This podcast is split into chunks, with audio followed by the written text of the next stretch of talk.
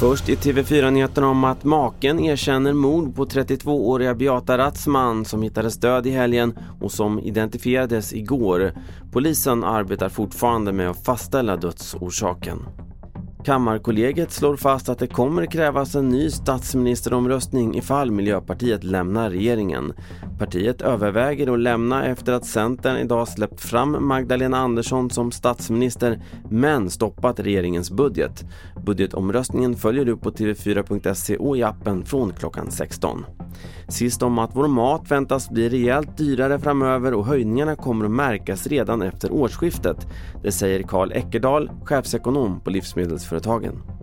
Vi har aldrig uppmätt en sån hög kostnadsökning någonsin sedan vi började mäta för 12 år sedan. Det är den största kostnadsökningen hittills. Och det är klart att i slutändan måste det märkas även i konsumentledet. Det är inte så att dagligvaruhandeln lever i ett parallellt universum. Fler nyheter i appen TV4 Nyheterna. Jag heter Carl-Oskar Alsen.